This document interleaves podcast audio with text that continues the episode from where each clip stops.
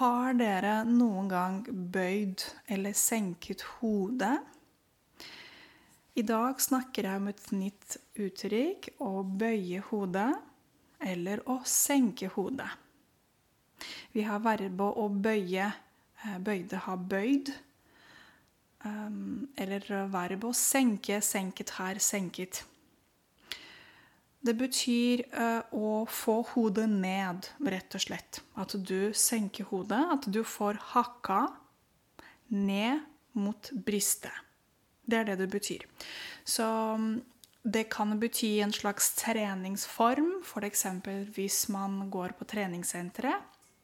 Man skal trene, så kan man varme opp kroppen først, og så kan man senke hodet ned. ikke sant? Så kan man varme opp kroppen sin, og ryggen for eksempel, og nakken. ikke sant? Det er én form eh, Eller første eksempel, da. eh, Det første eksempelet på å senke hodet ned mot brystet. Eller å bøye hodet. Man kan også eh, bøye hodet til tak. Ikke sant? Eksempel når naboen åpner døra for deg før du går ut. Da kan du bøye hodet til tak. Ikke sant? Det betyr at du kan si 'tusen takk', og samtidig kan du også bøye hodet. Eh, Det er eh, en tegn. Det er tegn for eh, takknemlighet. Ja, det er også en mulighet. Man kan også bøye hodet som tegn for ydmykhet. Ydmyk er en person som er også Det heter også beskjeden. Det er en person som kanskje er ikke så veldig glad i å få komplimenter. Det er en flink person. Det er en person som gjør en god jobb. Men ja Denne personen kanskje er ikke så veldig glad i å få noen blomster og roser og applaus fordi denne personen har gjort en god jobb. Det er en ydmyk person. Jeg skal gi dere et eksempel. Eh, La oss si at det er et nabolag, og det er um, en katt som eh, er, som sitter fast på, eh, et, på et tre. Eh, og det er vanskelig å få katten ned. Og denne katten tilhører ei lita jente i nabolaget. Så vi kan si f.eks.: Brannmannen reddet katten til lillejenta i nabolaget. Han bøyde hodet som tegn på ydmykhet når jenta sa til ham du er en helt. Du har reddet katten min. Og så sa han nei, det var bare min jobb. Så dette her er en form, eh, eller tegn, for eh, ydmykhet. Altså at denne personen, brannmannen, eh, hjalp lille jenta med å få katten ned fra treet. Og så sa han nei, nei, jeg er ikke noe helt.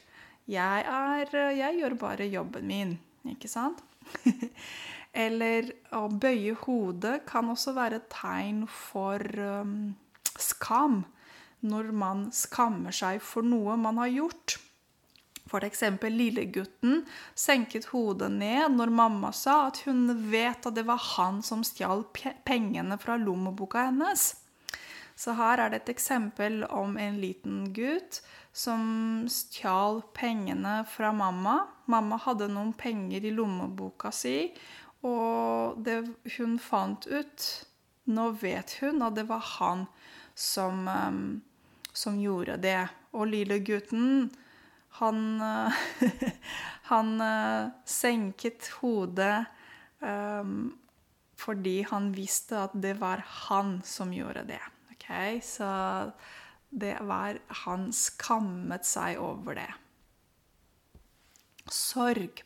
Å bøye hodet kan også være tegn for sorg.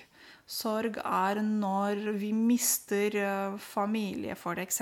Når mamma dør, pappa dør, når foreldrene eller besteforeldre eller barn eller tante, onkel osv.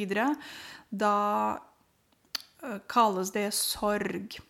Så vi kan si f.eks. at alle bøyde hodet da enka begynte å holde tale om sin avdøde mann i begravelsen. Så her er det ei dame som mistet mannen sin. Han døde, og hun uh, holdt tale.